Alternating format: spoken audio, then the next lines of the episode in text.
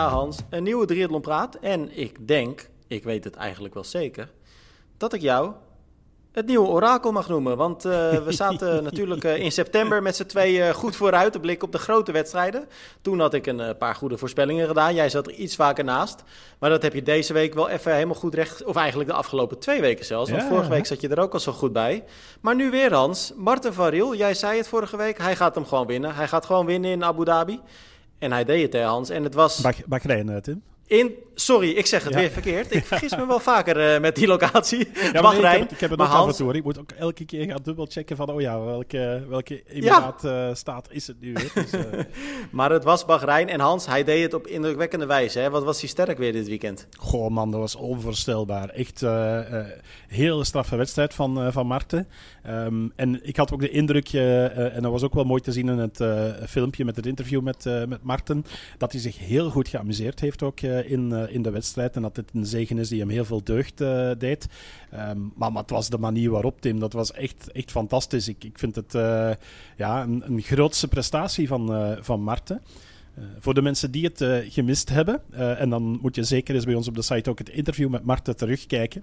hij zei van ja, het zwemmen, dat ging eigenlijk niet echt super hard. Hij zei we kwamen met een man of acht uit het, uit het water. dus een ruime kopgroep uit het water. daarbij ja, eigenlijk alle favorieten zowat bij, bij elkaar. En dan um, ja, begint de 90 kilometer fietsen. En Marten die zei dan uh, nog tussen neus en lippen van dat de draftingregels niet altijd even goed gevolgd werden. Lees, er werd volop gesteerd uh, in die kopgroep van, uh, van acht man. en dan altijd daar, hè Hans? Wat zei je? Is eigenlijk altijd daar, hè, bij die wedstrijd. Ja, ja het, is een vlak parcours, hè, dus het, is gewoon echt biljartvlak. Dus dan is dat al lastig om, om um, het, het, verschil te maken. Als er een klimmetje in zit of zoiets, dan kan je er, uh, er nog een paar van afgooien. Uh, en dan vond ik het eigenlijk nog des te, te sterker van, uh, van Marten, dat hij gewoon halfweg zegt van oké, ik, ik zie dat niet meer zitten, dat draften. Ik ga in de aanval. Um, en dan heeft hij Wilhelm Hirsch meegekregen en Alistair Brownlee. En ja, die drie die, uh, die, die zijn stevig gaan fietsen en hebben de rest op een mooie achterstand uh, gezet. Um, helaas overigens voor Alistair Brownlee, want dat is eigenlijk weinig um, toegelicht geweest. Heeft er zelf ook uh, niet echt veel achteraf over verteld, had ik de indruk. maar ik hoorde het via Martin, dat op kilometer 78 zoiets um, is hij lek gereden en uit de wedstrijd verdwenen. En ik had de indruk dat, dat Brownlee nog wel eens goed in de wedstrijd zat. Ik vond eigenlijk achteraf bekeken, wij waren heel erg bezig met die zegen van, uh, van Marten. Maar wel een hele zure opnieuw voor Alistair Brownlee. Ja, het is een seizoen van, van zo net niet. Hè? Al een paar keer niet kunnen starten als je je wedstrijd zat pech. En nu weer. En dan denk ik van, ja, hoe moet ja. je zich voelen eigenlijk eind 2023? Geldt natuurlijk ook wel een beetje voor, uh, voor Lucy Buckingham. Uh, Buckingham hè? Want uh, dan komen we zo weer even terug natuurlijk bij, bij de mannenwedstrijd ook. Maar Lucy Buckingham die, die zat vooraan in de wedstrijd. Lag echt een paar minuten aan de leiding. Ja. En werd vervolgens, na ik geloof een kilometertje of 70, 80... Uh, vol door een auto geschept op het parcours. Heeft ja. er ook een hele emotionele post uh, over online gegooid. En dat snap ik ook wel, want uh, Lucy is natuurlijk eigenlijk net hersteld van een best wel langdurige blessure. Mm -hmm. Ja, en werd dan vol geschept. En ze heeft nog wel in de adrenaline eigenlijk geprobeerd door te gaan. Is ook nog een paar kilometer wezen lopen. Maar kwam er toch al heel snel achter dat haar heup gewoon veel te veel pijn deed. En ja, kansloze missie eigenlijk. Ze werd heel snel ingehaald door iedereen. Uh, volgens mij zelfs uitgestapt ook uiteindelijk. Ja. Uh, dus er gebeurde best wel wat hè, daar op het fietsparcours. Terwijl het eigenlijk, wat jij ook zegt, het is helemaal vlak. Het is heen en terug. Bijna, bijna altijd gebeurt daar niet zo heel veel. Nee, nee. En nu, uh, ja. Het is ook heel bizar hoe het uh, verlopen is. Want ik kreeg het dan door van, uh, van Mark Buckingham, de, de ex-triatleet en nu bondscoach. Um, van Ierland geloof ik dat die bondscoach is overigens, maar mm -hmm. dat dan on the site. Um, en die gaf aan van dat er dus een incident was, een, een ongeval tussen een motor en een auto. Ik denk dat die auto heeft moeten uitwijken door, uh, door dat ongeval. En die is dan op het wedstrijdgedeelte terechtgekomen. En Lucy is uh, los over de motorkap gegaan uh, van, van die auto. Goh. En dan denk je van, ja, hoe is dat in godsnaam mogelijk? Dat, dat zoiets in wedstrijd gebeurt. Ja. Um, ook niet helemaal duidelijk Ze gaan het of dat daar iemand vanuit de organisatie betrokken was. Ik weet niet of jij daar nog iets van vernomen hebt, Tim.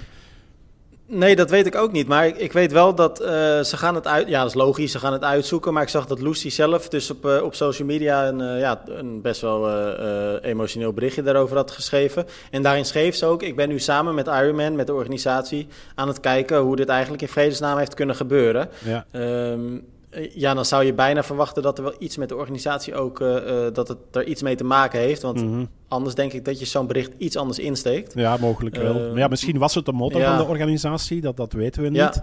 Ja. Uh, maar sowieso, ja, ik kan me ook voorstellen, ik heb er geen beelden van, uh, van gezien, dat als je op één helft van um, de weg rijdt en de andere helft is open voor het verkeer, ja, dan, dan creëer je nog altijd een gevaarlijke situatie. Dus um, ik weet niet waar het hem in gaat zitten. Ik ben ook zeer benieuwd naar dat, dat onderzoek. Um, het belangrijkste is wel even in het verhaal dat, dat ze oké okay is. In, in principe dit had veel slechter af kunnen lopen, Tim. Nou, gelukkig. En dat doet me natuurlijk ook weer denken aan uh, Vincent Louis, die ook toen uh, bij een Ironman uh, door een auto werd geschept. En die heeft er echt wel een hele tijd last van gehad. En ja, het lijkt met Lucy dan ietsje beter te gaan. Maar Hans, voordat we ja, verzanden in allerlei horrorverhalen... Het, het, ja? het hele aparte nog, het absurde eigenlijk aan die wedstrijd is, die wordt gewonnen, Tim, door Cat Matthews. Wat vind je ervan, Hans? Ja, net dat zij wint in een wedstrijd waarin de leidster door een auto geschept werd, ik denk dat zij ook wel een heel raar gevoel eraan uh, zal overgehouden hebben. Want zij heeft die horrorcrash ja. gehad vorig jaar in aanleiding naar uh, de Ironman van, uh, van Kona. Um, en, en ja, bij haar was het wel zeer ernstig, hè, want ze heeft heel lang moeten, moeten revalideren. Um, zij is geschept geweest door een, een, SUV op, op training, grote plas bloed en, en dergelijke. onder ja. andere in het gezelschap van Patrick Lange was dat toen op training in, in Houston in Texas. Ja, en als je dan die wedstrijd wint, maar je krijgt dan te horen dat degene die op kop lag aangereden is door een auto, ik denk dat die ook wel wat flashbacks zal gehad hebben. Dus dat, dat, ik denk dat dat ook wel een beetje een dubbele is. Ik vind het mooi overigens dat ze wint. Uh, na Ironman Texas opnieuw een hele mooie zege. Dus uh, op zich best nog wel een goed seizoenseinde voor, uh, voor Cat Matthews. Maar ik, ik denk dat die toch wel een beetje ja, een dubbel gevoel misschien zal gehad hebben. Ja, dat denk ik ook wel. En het, het toont ook echt wel weer aan hoe kwetsbaar je bent. Hè? En, en Kijk, tijdens een training weet je het. Tijdens een wedstrijd ga je er eigenlijk, tenminste als ik dan naar mezelf kijk, maar ik denk dat dat voor 99% van de triatleten geldt, ga je er eigenlijk een beetje van uit dat alles goed komt. Of dat, ja. Je, nou ja, dat je een soort van blind kan rijden en dat het dan wel ja, dat het veilig is. Maar uiteindelijk moet je natuurlijk altijd gewoon zelf blijven kijken. En ja, in de heat of the moment, en zeker die profatleten die natuurlijk uh, alles op alles zetten om zo snel mogelijk te zijn, of in een groepje te blijven, of nou ja, volle focus uh, zijn. Ik, ik rij vaak met ze mee op de motor en ja, die gasten en, en, en die vrouwen die kijken ik wil niet overdrijven, Hans. Ik denk 85% van de tijd kijken ze gewoon naar beneden. Kijken ze niet mm -hmm. naar voren. Uh, natuurlijk uh, zo, zo aerodynamisch mogelijk. Ja, en je ziet gewoon hoe kwetsbaar je bent. En nou ja, precies wat jij net ook al zei. Ik denk dat het heel, uh, heel, heel prettig is dat het in ieder geval goed is afgelopen nu. Ja, en, ja, absoluut. Ja, het had ook absoluut. anders kunnen aflopen. Ja. Maar Hans, wat ik net wilde zeggen... aan mijn eigen wedstrijd en de voorbereiding daarop in, in Challenge Vieux Boucault. Um, omdat ja, dan, dan lig je in die aerohouding. En ik, ik heb ook vaak zitten denken, uh, zowel op training als in de wedstrijd zelf, van hoe lang ga ik naar beneden kijken. En ik ben zelf eigenlijk tot de constatering gekomen dat ik niet het lef heb om constant naar beneden te kijken. Uh, en zelfs op een gegeven moment als je denkt van nou, ik zit hier in een goed ritme en er rijdt iemand een meter of 20, 30 voor mij. Dus je hebt ergens nog wel in je perifere visie een, een blik van dat je denkt van als die uh, naar rechts of naar links gaat, dan volgt er uh, ongetwijfeld een bocht. Maar het zal wel meevallen. Maar elke keer als ik zo echt, ja, ik, ik denk langer dan een halve minuut of zoiets, durf ik niet echt zonder toch even het hoofd naar boven te halen en te kijken van oké, okay, zit ik hier nog goed? Zit ik op de juiste lijn? Um, ja, maar een halve minuut is lang hè Hans? Ja, ja ik denk dat het misschien zelfs ik, korter is. In mijn beleving is dat al een halve minuut, maar volgens mij is het zelfs korter. Ik weet niet, hoe, hoe doe jij dat, ja. Tim? Nou ja, een tijd durf ik er niet aan te hangen. Want ik wilde dus net tegen jou zeggen, tot jij nu zelf over een halve minuut begon. Ik rijd dan dus vaak met die, pro, ja, gewoon regelmatig met die profatleten mee op de motor. En dan maak ik ook filmpjes van ze. Dus dan kan ik precies zien hoe lang dat eigenlijk is. En dan heb ik dus regelmatig filmpjes dat ze 30, 40 seconden uh, uh, naar beneden kijken. Maar 30, 40 seconden, dat is ja, in hun geval uh, ruim 500 meter, hè? Ja, dus ja. nee, dat is een ontzettend lang eind. Meter. Nee, nee, ja.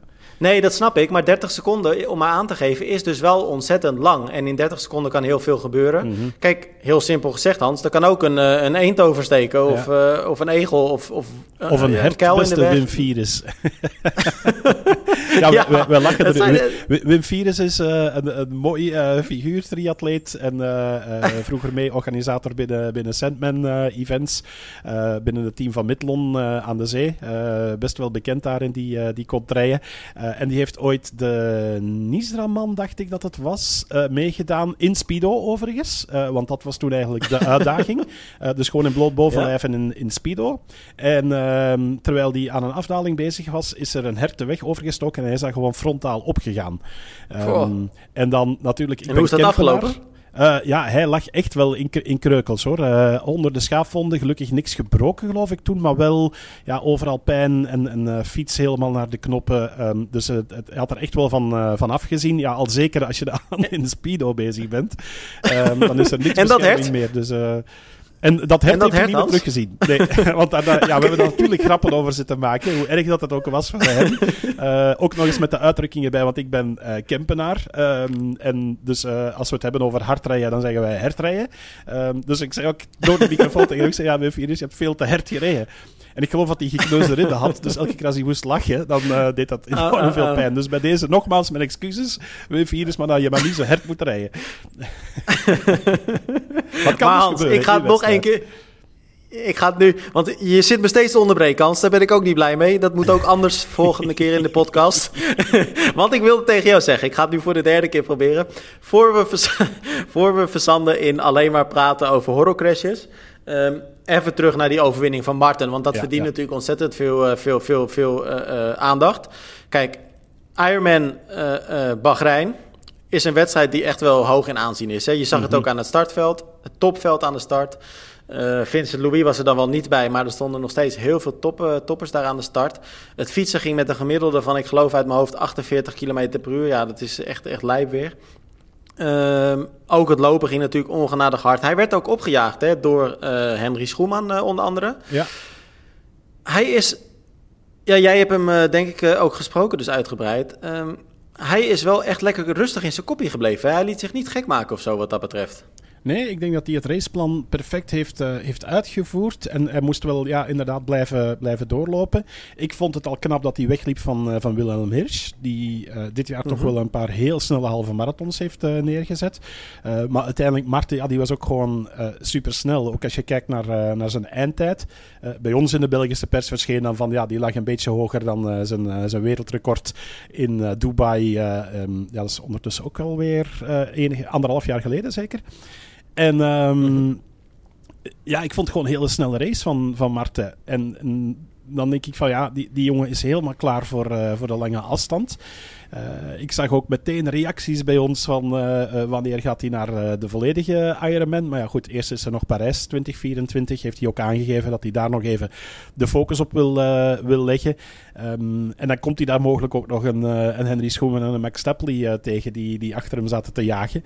Ehm, ja, ik, ik, ik, ik vind het vooral mooi voor Marten. Ik bedoel, hij heeft echt een klote jaar gehad. We moeten daar eerlijk in, eh, in zijn. Die blessure die lang is blijven aanslepen. Eh, dan proberen terug te komen. Ik denk net iets te snel proberen terug te komen. Dat heeft hij cash betaald in het looponderdeel een paar keer in eh, de WTCS eh, races. Maar nu, ja, dit, dit was echt een, een groot nummer in een sterk deelnemersveld, in een snelle wedstrijd. Ehm, en ik voorspel het dan juist. En ik had er ook alle vertrouwen in. Ja. Maar langs de andere kant achteraf was ik ook wel aan het denken, Tim, je moet het maar doen, hè?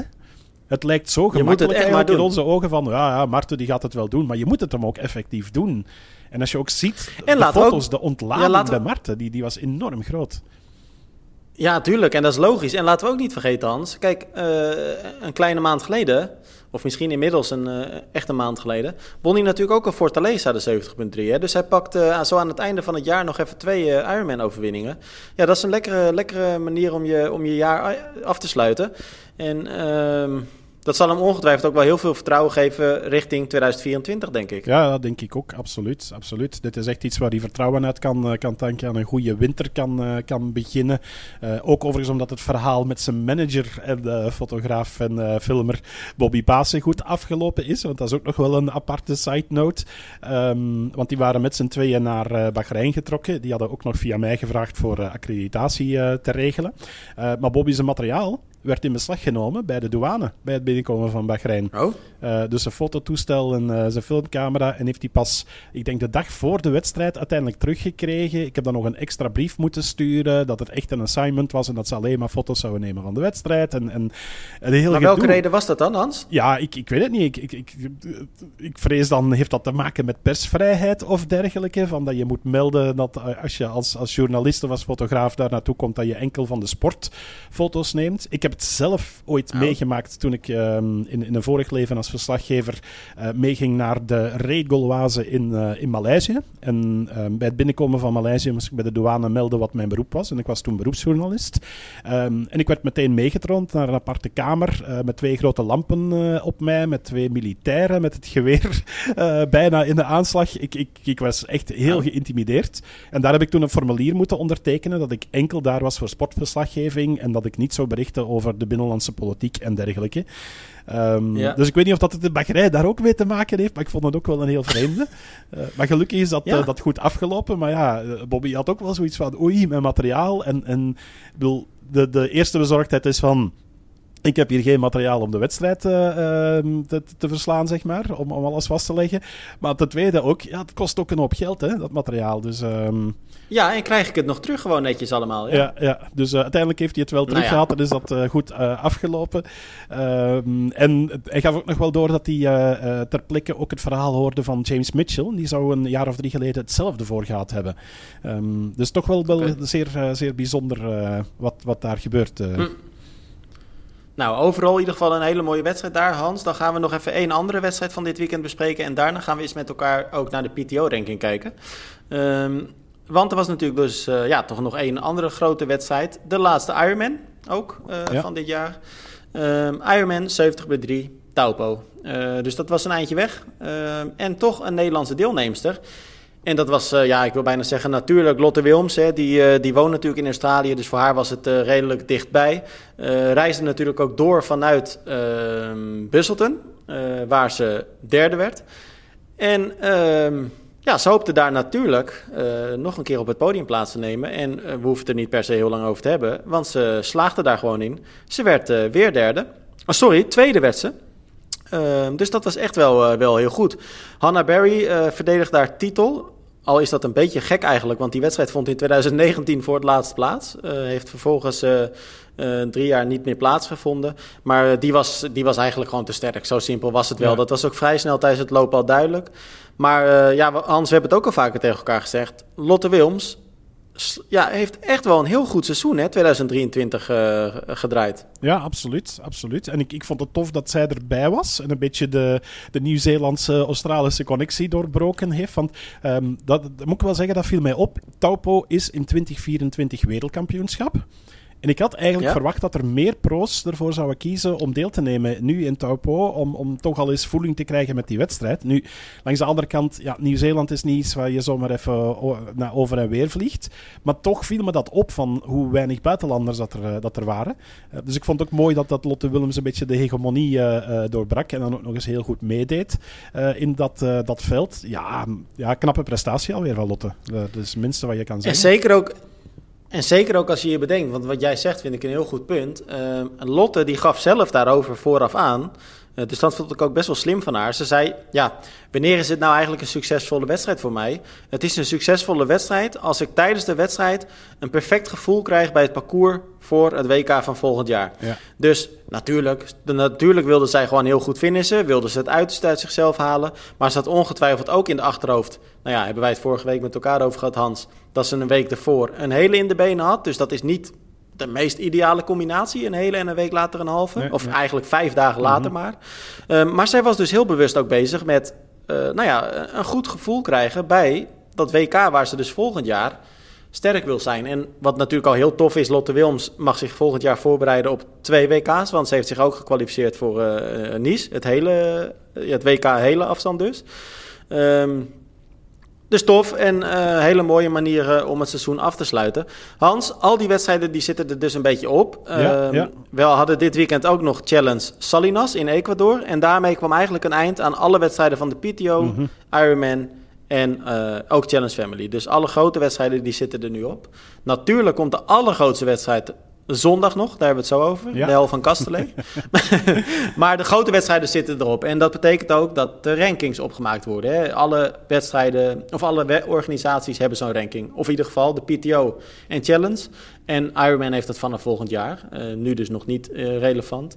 Maar als we dan eens naar die PTO-ranking kijken, Hans. Er waren een paar dingen die jou opvielen, hè, geloof ik. Ja, ja, ja, absoluut. Ja, ten eerste natuurlijk bij de mannen een, een heel knappe vijfde plaats van eh, Pieter Hemerijk. Ik denk volledig Ja. terecht ook met het seizoen wat hij gedraaid heeft.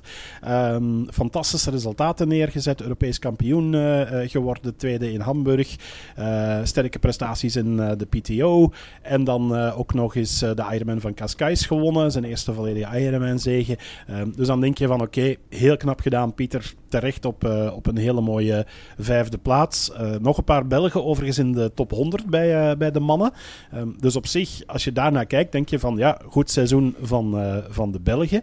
Ehm, en aan jullie kant overigens, hè, want wij hebben dan de luxe bij, bij de mannen. Bij de Nederlanders en mannen ook niet slecht. Maar als je kijkt naar de vrouwen, die top 50, dat ziet er goed uit, Tim. We hebben, er een, eh, we hebben er inderdaad een paar. Daar moet ik er wel eerlijk bij zeggen, Hans, dat zul jij ook eh, eh, erkennen. Ze hebben niet de allerhoogste rankings. Maar het is eigenlijk een, een bijna een weldadige luxe om te zien hoeveel, mensen er, hoeveel vrouwen er dus in die top 50 staan. Want dan hebben we op plek 29 Lotte Wilms. Dan hebben we op plek 36 Els Visser. Dan hebben we op plek 47 Diede Diedericks. En dan hebben we, eh, zij valt dan wel net buiten die top 50, maar hebben we op plaats 58 ook nog Marlene de Boer, die dus in haar eerste jaar als profatleet gewoon even op plaats 58 staat. Ja. Eh, en dan scroll ik heel snel door. Dat waren denk ik de Nederlandse, ja, dat waren alle Nederlanders eh, binnen de top 100. Maar Hans, wij hadden het er net voordat we deze podcast begonnen heel even kort met elkaar over. Want dan kijken we naar die ranking. Ja. En natuurlijk is het super om zoveel Nederlanders en ook Belgen te zien.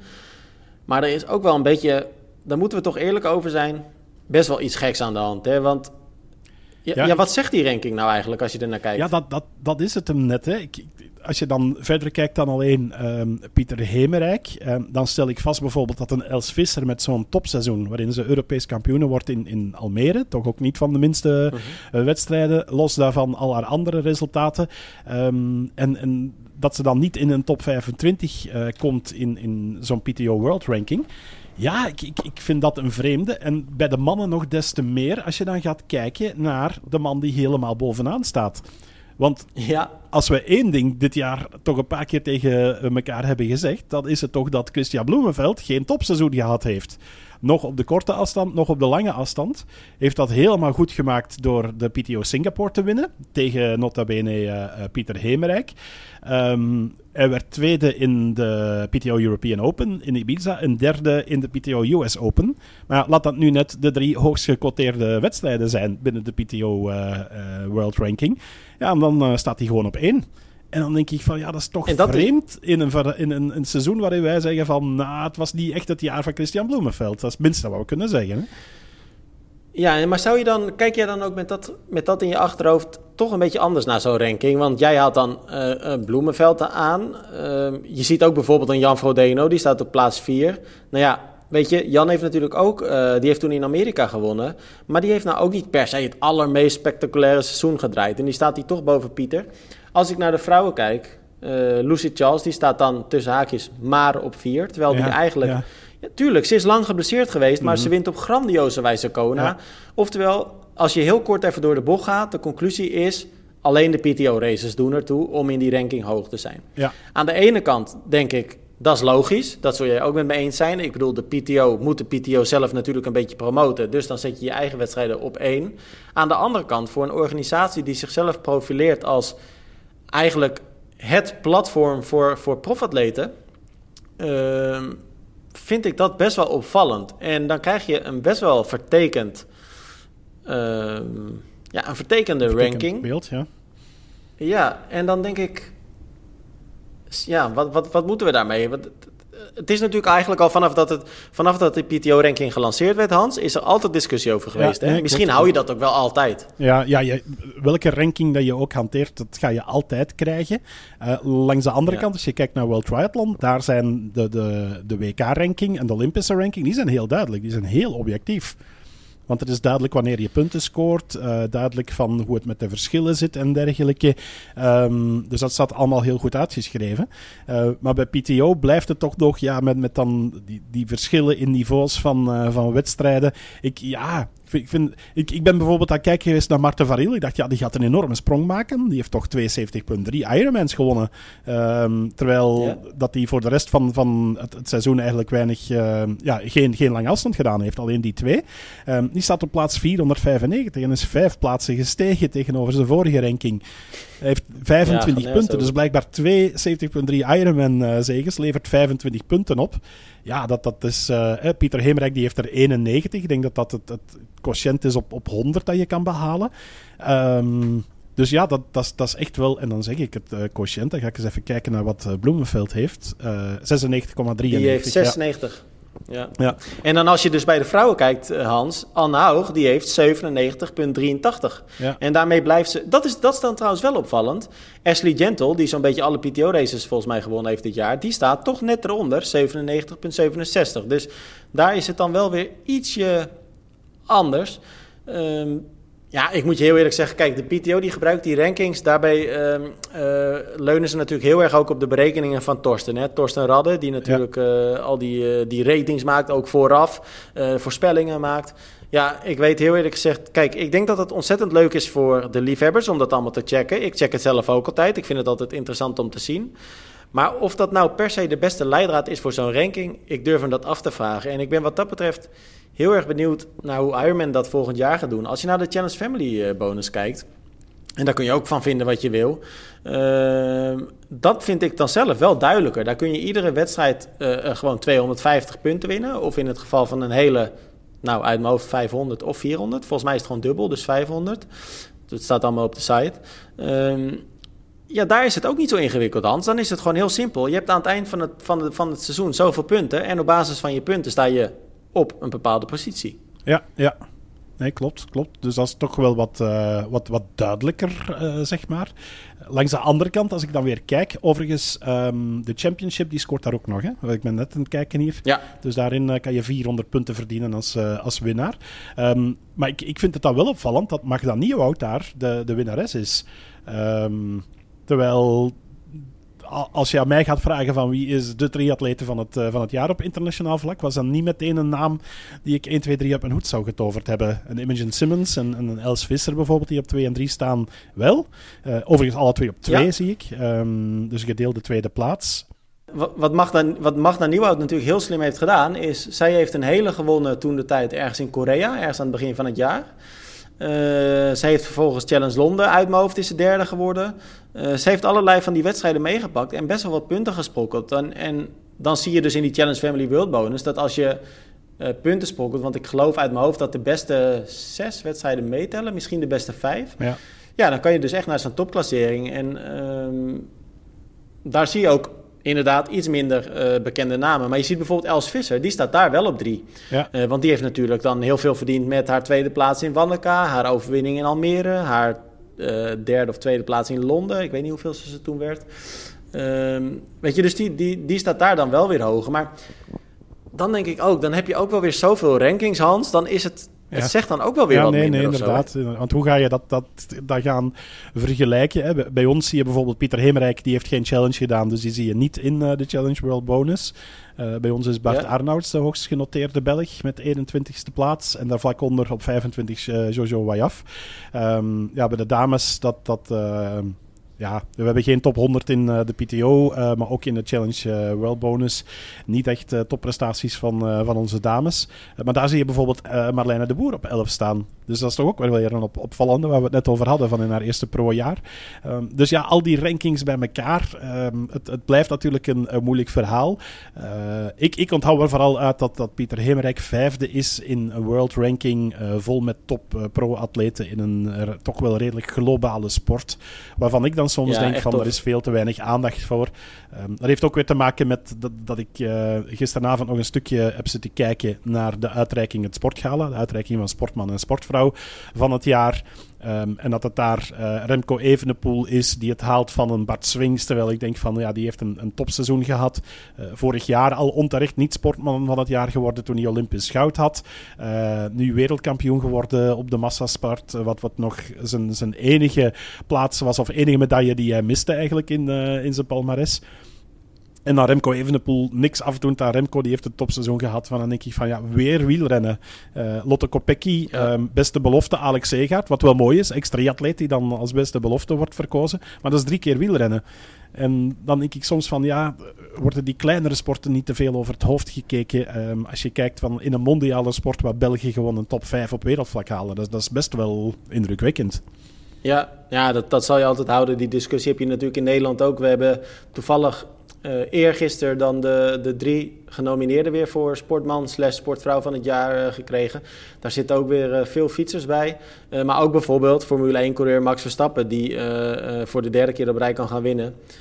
Ja. ja. het is veel van hetzelfde, maar het doet natuurlijk ook niks af aan wat zij allemaal presteren. Dus dat, het, het, het blijft altijd heel, het blijft heel lastig. Nee. Ja. Ja, ik stel me wel vragen bij ons. In de eindranking stond Kevin De Bruyne volgens mij op vier. En die ah, ligt dan al een half seizoen in, in de lappenmand. En dan denk ik van, oké. ja, dus het is toch wel... Ja, ja. Het blijft, het blijft lastig. Hans, we gaan uh, leukere ja. dingen doen. Uh, we gaan vooruitblikken.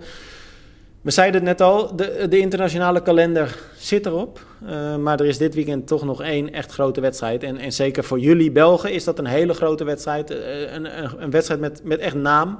Ook in Nederland leeft die altijd heel erg. Dit jaar wel een klein beetje minder, heb ik het idee. Daar gaan we het zo over hebben. Want wij hebben net al eventjes uh, door de, zijn al even door de startlijst gegaan. Maar Hans, de, de hel van Castellet, zondag. Jij staat aan de speaker. Uh, ik zal de wedstrijd, uh, of jij bent de speaker moet ik zeggen. Um, ik volg de wedstrijd natuurlijk vanuit huis ook weer gewoon lekker. Um, ja, ja, we gaan ook weer live met, met triathlon.be. Ja. Um, we zullen iets minder live videobeelden brengen dan, dan vorig jaar. maar ja, je mag weer echt uitgebreide tussenstanden verwachten en beelden van, van de wedstrijd. En normaal gezien, als het allemaal werkt, dan hebben we ook vaste finishline camera bij, bij elke finish. dus je, je kan het gewoon volgen vanaf, vanaf thuis of naar Kasterlee komen en lekker warm in de sporthal mee de atleten komen aanmoedigen. Dat blijft toch een fantastische finish die je daar kan meemaken. Dus. Neem mij even mee, Hans. Wat, wat kunnen we gaan verwachten? En, en probeer het ook een beetje zo uit te leggen voor misschien de Nederlandse luisteraar die er net iets minder mee bekend is. Wat gaat daar zondag precies gebeuren? Wat, wat, wat maakt die wedstrijd zo speciaal?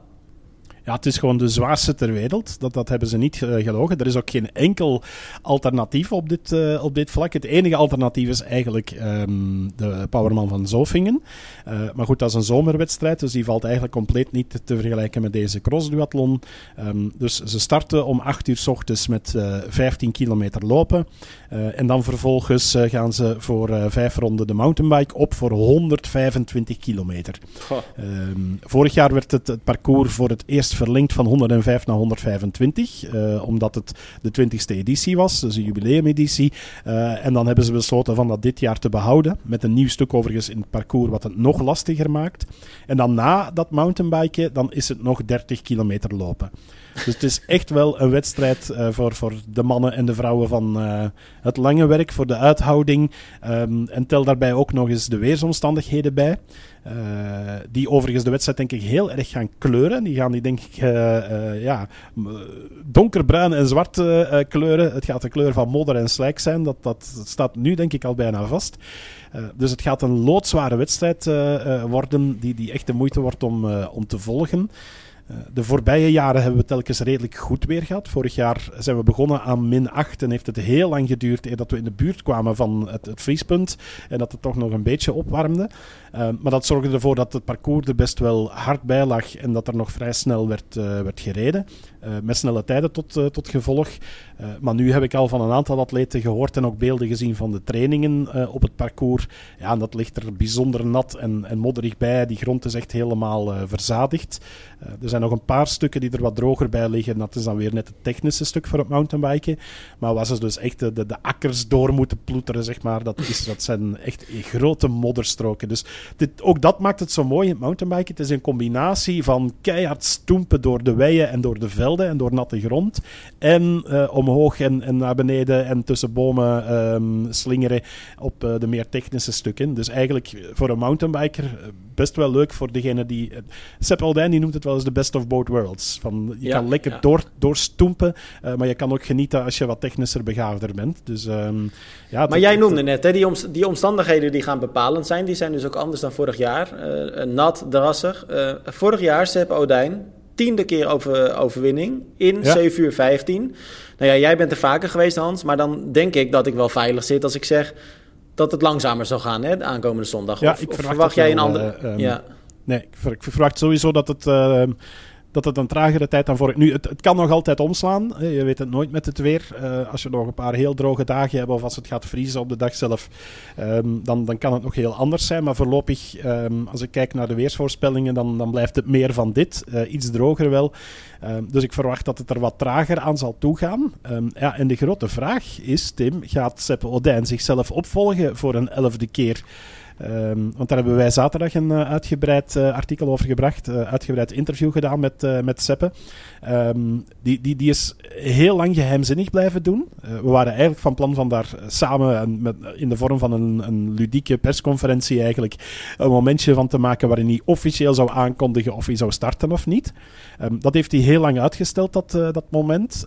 maar nu, hij had een week of twee, drie geleden de knop omgedraaid bij een parcoursverkenning en gezegd, ja, het ligt er echt hij noemt dat plezant uh, dat het erbij ligt. Hij had zoiets van: het wordt nog eens een echte hel, dus dat wil ik absoluut nog een keer doen en meemaken.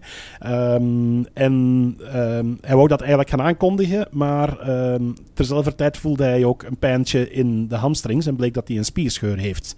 Mm -hmm. en niet zomaar een spierscheurtje, maar een scheur van, uh, van 4 centimeter die op een uh, echo naar voren is gekomen. en ja, hij gaat deze week nog uh, extra onderzoek moeten ondergaan en, en overleggen met kine en met dokter uh, of het überhaupt uh, kan dat hij uh, dat die van start gaat. En als hij van start gaat, ja, dan vrees ik ook dat het niet op 100% zal zijn.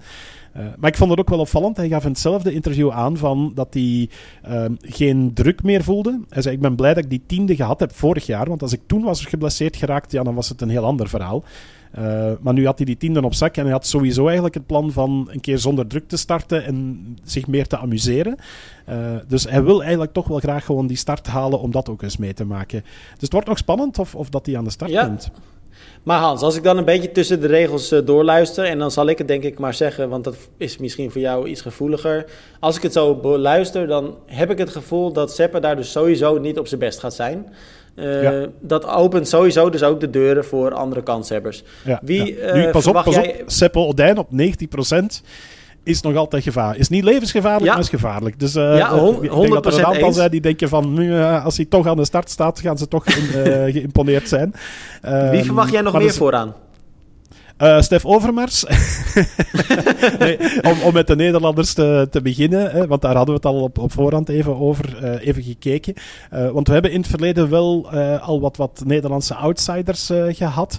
Um, mm -hmm. En ik denk dat nu Stef zo wat de, de, bekendste naam is van toch niet zo heel veel Nederlanders die dit jaar van start gaan. Ik denk, misschien hebben ze de laatste jaren schrik gekregen door die hegemonie van, van Seppe. Ze zijn bang voor jullie hoor, ja. ja, ja, daarom. daarom misschien, ja, misschien moeten de Nederlanders die meedoen daar ook wat meer reclame voor maken voor van, van de wedstrijd. Uh, en de Nederlanders die deze podcast beluisteren, toch maar eens kijken. Want ja, in België is het echt een ding. Hè. Het is echt een wedstrijd die, die uh, is in no time uitverkocht. Um, zit, zit volledig vol met 450 deelnemers. Daar vallen er last minute altijd nog wel een paar uit. dus het is echt wel de moeite om, om te overwegen. Het is loodzwaar, dat klopt. Um, daar moeten we geen geheim van maken. Um, dus oproep aan de Nederlanders om mee te doen. Ja, en dan voor de Belgen. Nou ja, en heel, veel, heel veel daarop, daar haak ik daar heel veel nog op in snel. Want van Stef weet ik, uh, want we lachen daar een beetje om, omdat jij nu met de Nederlanders begint. En, en tuurlijk, hij is niet de allergrootste favoriet voor zondag. Um, maar Stef is een grote fan van de wedstrijd. Hij is er volgens mij heel of hij is er sowieso heel vaak bij. Ik weet niet precies hoe vaak, maar echt wel heel regelmatig. Uh, ja, hij en Kenneth en zo wat uh, vaste, ja, vaste mannen die, die, die ja. er heel vaak bij zijn, inderdaad. Ja. Maar wat ik wilde zeggen, laten we, laten we hem ook zeker niet uitvlakken. Want uh, uh, Stef is natuurlijk wel echt. Nou ja, ik zou hem eigenlijk bijna willen omschrijven als een beest. Hè? Ik bedoel, als je naar hem kijkt, dat is één brok spier. Uh, en corrigeer me als ik het fout heb, Hans. Ik denk dat de helft van Castellet is ook wel een wedstrijd die je best wel op, op kracht en op macht kan doen. En zeker als die omstandigheden zo, zo zijn als wat we nu verwachten, dat het nattig en, en drassig is. Oké, je bent misschien in het voordeel als je lichter bent en op souplesse gaat. Maar als je daar vol op kracht doorheen kan beuken, dan uh, ja, dat is wel echt iets wat hij ook kan. Dus uh, ik ben heel erg benieuwd. Wat, wat zijn de Belgen waar je, waar je echt naar gaat kijken, Hans? Ja, Seppe die noemde zelf al dat hij uh, Geert Laurijsen um, de zegen zou gunnen als hij zelf niet kan, uh, kan winnen. Um, Geert die, die ook elk jaar eigenlijk al goed geweest is in de hel, maar een paar keer uh, pech gehad heeft. Um, heeft met blessures gekampt, heeft met leke banden gekampt. en, en vorig jaar kwam hij eigenlijk nog redelijk dicht bij, uh, bij Seppe, die natuurlijk wel in de laatste kilometers uitgebreid aan het vieren was en wist dat hij naar zijn tiende zege ging, uh, ging lopen. Um, maar Seppe zei zelf van ja, het is een van de, de kleinste verschillen geweest in al die jaren dat ik daar gewonnen heb. En Geert heeft ook voor de tiende keer Wustwezel uh, gewonnen, de crossduathlon, um, vorige week. Dus dat is ook eentje die dan tien zegens heeft. dus Geert denk ik dat dat de, de, de grootste is, de grootste naam achter, achter Seppe Odijn. Stef Verachte, ex topzwemmer en uh, triatleet, die zich omgevormd heeft tot, uh, tot toploper. Um, en die erg gebrand zit om, om in de hel het goed te doen. Tim van Hemel, die ja? um, de laatste weken heel hard heeft getraind voor, uh, voor de hel. Um, wordt ook door Seppe aanzien als een van de grote kandidaten. En dan hebben we nog ja, wereldkampioen crossduathlon Sébastien Carabin. Um, al hebben dus al die mannen wel redelijk wat competitie in de benen gehad dit seizoen. Uh, en daar tegenover staat dan een aantal jonge gasten uit uh, de streek. Um, met, met Yves Kolen, met Wart van Laar, met uh, Arno Brouwers. dat zijn eigenlijk allemaal ja, opkomende talenten. Yves en, en Wart die al een keer top 10 hadden in hun eerste keer. Voor Arno, die de crossduathlon van Reuzel heeft gewonnen, is het zijn allereerste keer. En dan zie je toch dat dat vaak nog wel wat leergeld betalen is.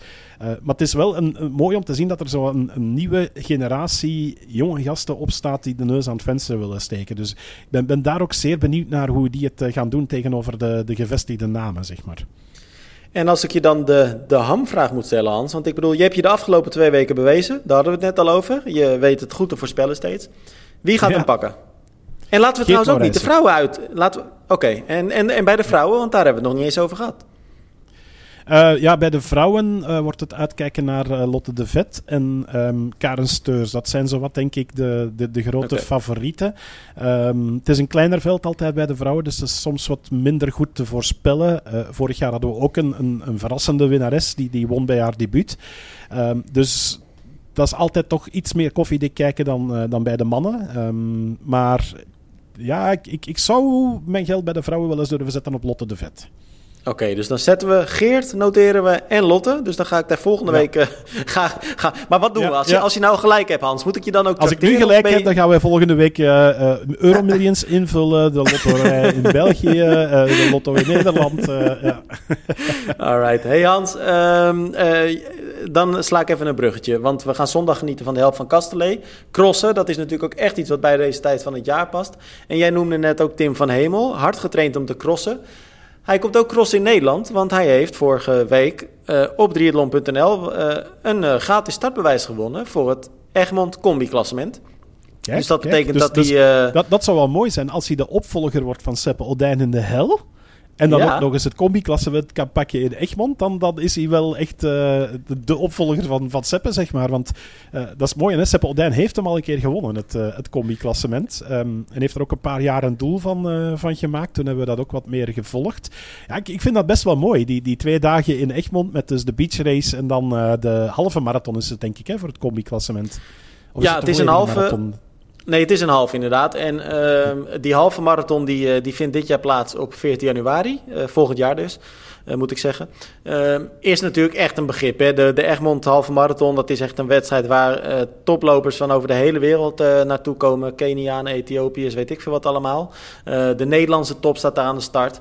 Maar wat heel erg tof is, en ook heel populair, is dat een dag ervoor heb je altijd de strandrace. Dus dat is 38 kilometer op de mountainbike. Nou ja, je rijdt eigenlijk gewoon 19 kilometer op het strand heen, 19 kilometer op het strand weer terug. Er uh, zitten een paar technische passages nog in. Maar wat heel tof is voor triatleten, er is ook een combi-klassement. Dus dat betekent dat je tijd ja. op zaterdag en je tijd op zondag wordt opgeteld. Nou ja, en die totaaltijd vormt dan je... Dat vormt dus de totaaltijd in het combi-klassement. En dat nou ja, levert een ranking op. En in dat combi-klassement zien we eigenlijk ieder jaar uh, triatleten heel hoog eindigen. Vaak ook winnen.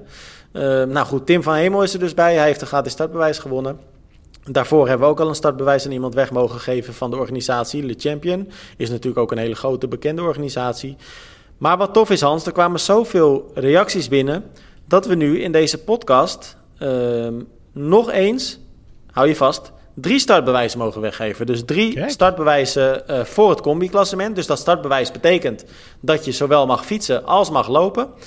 Um, wat we gaan doen, Hans.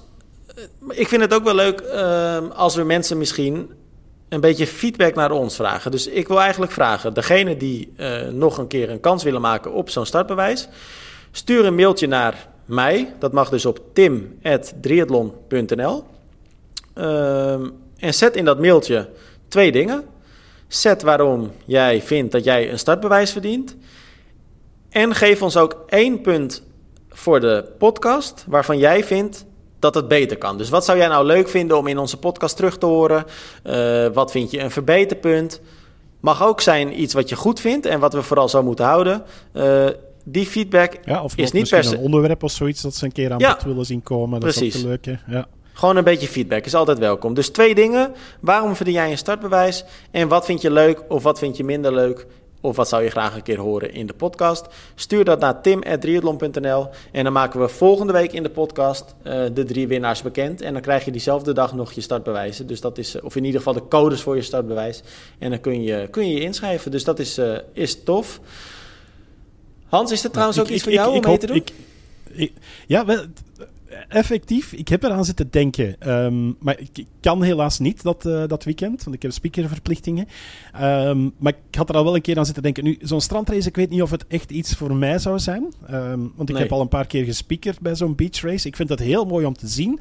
Maar het is een kunst op zich hoor. Het heeft eigenlijk, als ik dat, dat zo bekijk, heel weinig met effectief mountainbiken te maken. Um, ja. ik, ik, denk dat, dat de, de, de gravel-specialisten misschien daar net iets meer een, een gading vinden. En natuurlijk de, de mannen die echt uh, specialisten zijn van op een strand. Uh, het is vaak heel technisch ook van je bandenkeuze en strandbanden leggen en, en, de juiste druk en dergelijke. Um, dus ik, ik, ik vind dat altijd schitterend om, om te zien. En het is echt wel voor de hardrijders. Um, en dan denk ik ook van ja, als je dat dan moet combineren met de dag nadien nog een halve marathon. dat, uh, ja. Ik, ik wil het, niemand ontmoedigen voor een sterrenbewijs. maar het is wel terecht wat jij zegt hoor. Want ik sprak twee, drie weken terug met Wouter Dijkshoorn. Toen hadden we het ook over uh, nou ja, de magie van het combi-klassement. Hij werd vorig jaar uh, derde daar. Um, en hij zei ook precies eigenlijk wat jij zegt. Dat, dat, mount, of dat strandracen dat, Wouter is natuurlijk echt een cross-specialist. Die is goed in het bos, die is goed in de technische gedeeltes ook. Maar hij zegt het is totaal anders dan op het strand racen. En uh, er komt zoveel tactiek bij kijken. Het is ook, je moet ook bijvoorbeeld heel goed in een waaier kunnen rijden. Je moet een beetje een wedstrijd kunnen lezen. Um, dus, dus ja, dat is wel een hele interessante dynamiek die totaal niet te vergelijken is met mountainbiken in het bos of wat dan ook. Dus, uh, maar goed, voor de liefhebbers uh, echt wel een hele leuke kans. De, marathon is, of de halve marathon is ook al uitverkocht. Dus dit is ook wel echt nog een unieke kans om mee te doen. Hans, wil ik nog één andere oproep je, je, je, vernoemde. Wouter uh, Dijkshoorn. Dat is dan een van die Nederlanders die ik uh, zondag mis in de hel van Castellet. Hij werd er al een keer zestiende. Heeft al, al een paar keer goede resultaten laten zien in crossduathlons uh, bij ons. En we kennen hem ondertussen wel. Dus Wouter, als je luistert. ja, zondag zal die meer lukken, maar volgend jaar verwacht ik jou er gewoon terug bij. Voilà. Hij had er denk ik graag bij geweest, maar hij is geblesseerd. Dus dat is, ah, is kijk, lastig. Kijk, hij, hij kampt al maanden met een hele vervelende blessure in zijn knie. En hij heeft er niet heel veel pijn van, maar hij, heeft er heel veel, hij ervaart eigenlijk heel veel instabiliteit. Dus uh, ja, hij is ja. elke keer als hij zich inspant, is hij ook bang dat het fout gaat. Ja. Dus um, hij is zich deze Ja, dan is de hel geen goed idee. Nee, nee, daarom. En wat hij nu doet, dat is wel dat, grappig Dat zei ik overigens ook tegen, tegen Seppe uh, zaterdag toen ik hem sprak. Of vrijdag hebben we het gesprek gehad, zaterdag hebben we het gepubliceerd. En ik zei ook, ik zeg Seppe, je weet eigenlijk wat de juiste beslissing zou zijn. Ik zeg, je moet toch ook goed luisteren naar je lichaam. En zei, ja. maar... Hij zei, ja. ik weet ook niet, die 4 centimeter scheur, is dat dan littekenweefsel van een oude blessure of is dat een nieuwe? En dacht hij, ja, dat, dat, is echt een atleet die, die aan het zoeken is naar een reden om toch te kunnen zeggen van ja, ik doe het. Uh. Ja, Wouter dus precies hetzelfde, want dat wilde ik zeggen. Wat hij nu doet, is heel veel langlaufen. Dus ik zei tegen hem, ja, is langlaufen dan wel verstandig. Want in mijn oren klinkt dat niet als een sport waarbij je denkt van dat ga ik eens doen als ik een zwakke knie heb. Uh, maar hij zegt, ja, maar het is toch weer een andere manier van belasten. En wie weet wordt het er sterker van. En van niks doen word je ook niet beter. Dus ja, zo werkt het gewoon, Hans. Herkenbaar. ja, ja. Eén dingetje wil ik nog even doen. Een oproepje. Uh, wij hebben deze week, afgelopen weekend eigenlijk... Uh, de altijd toffe, vind ik zelf... Verkiezing online weer gezet, stemming eigenlijk, voor atleet man-vrouw van het jaar 2023. Dus ga vooral naar triathlon.nl, daar kun je nu aangeven wie jij vindt dat de atleet uh, van het jaar moet worden. We hebben echt al gigantisch veel aanmeldingen binnen. Stemmen kan nog anderhalve week, tot eind volgende week. dus doe dat vooral. Ik moet ook zeggen, het, ik ga geen namen noemen nu natuurlijk, dat zou flauw zijn. Maar het gaat aardig gelijk op. We hebben nu zowel bij de mannen als vrouwen drie atleten die best wel nek aan nek gaan. Dus ik ben benieuwd. Gaan jullie dat ook doen, Hans? Nog zo'n verkiezing? Nee. Of doen jullie dat niet? Oké. Okay. Nee, ja, we, we, hebben het ooit gedaan, um, maar daar. Ja, het, is een hele moeilijke uh, bij ons. Ik denk dat het bij jullie een iets duidelijker is uh, als je kijkt naar waar de topprestaties liggen. Dat is toch voornamelijk op de langere afstand. maar bij ons ligt dat af en toe redelijk in balans. En dat is elk jaar weer een hele moeilijke discussie. Van wie is er dan de beste? Die, de mannen en de vrouwen op het Olympische traject of op de lange ja. afstand. En op een gegeven moment hebben we ook gezegd van ja, we gaan daar zelf uh, uh, niet meer uh, aan, aan doen, zo'n zo'n verkiezing. Ik volg het wel hoe, het, hoe het bij jullie gebeurt. Ik vind dat altijd interessant om te zien. Um, vorig jaar is er ook door de Belgische Triathlon Federatie weer dan een triatleet van het jaar verkiezing opgezet. Ja, dat was ook niet iedereen het eens mee. Het, het geeft te veel voer tot discussie. Um, daarmee hebben wij ook gezegd van we laten hem. Uh... Nou, ook terecht punt inderdaad. Aan de andere kant, wij, wij, wij redeneren eigenlijk andersom. We denken van, uh, want wat jij zegt, weet je wel, prestaties zijn ook niet te vergelijken. En je ziet ook nu dat bij het stemmen, dat er, uh, je kunt gewoon een naam invullen. dus zie je ook wel eens bijvoorbeeld mensen reageren.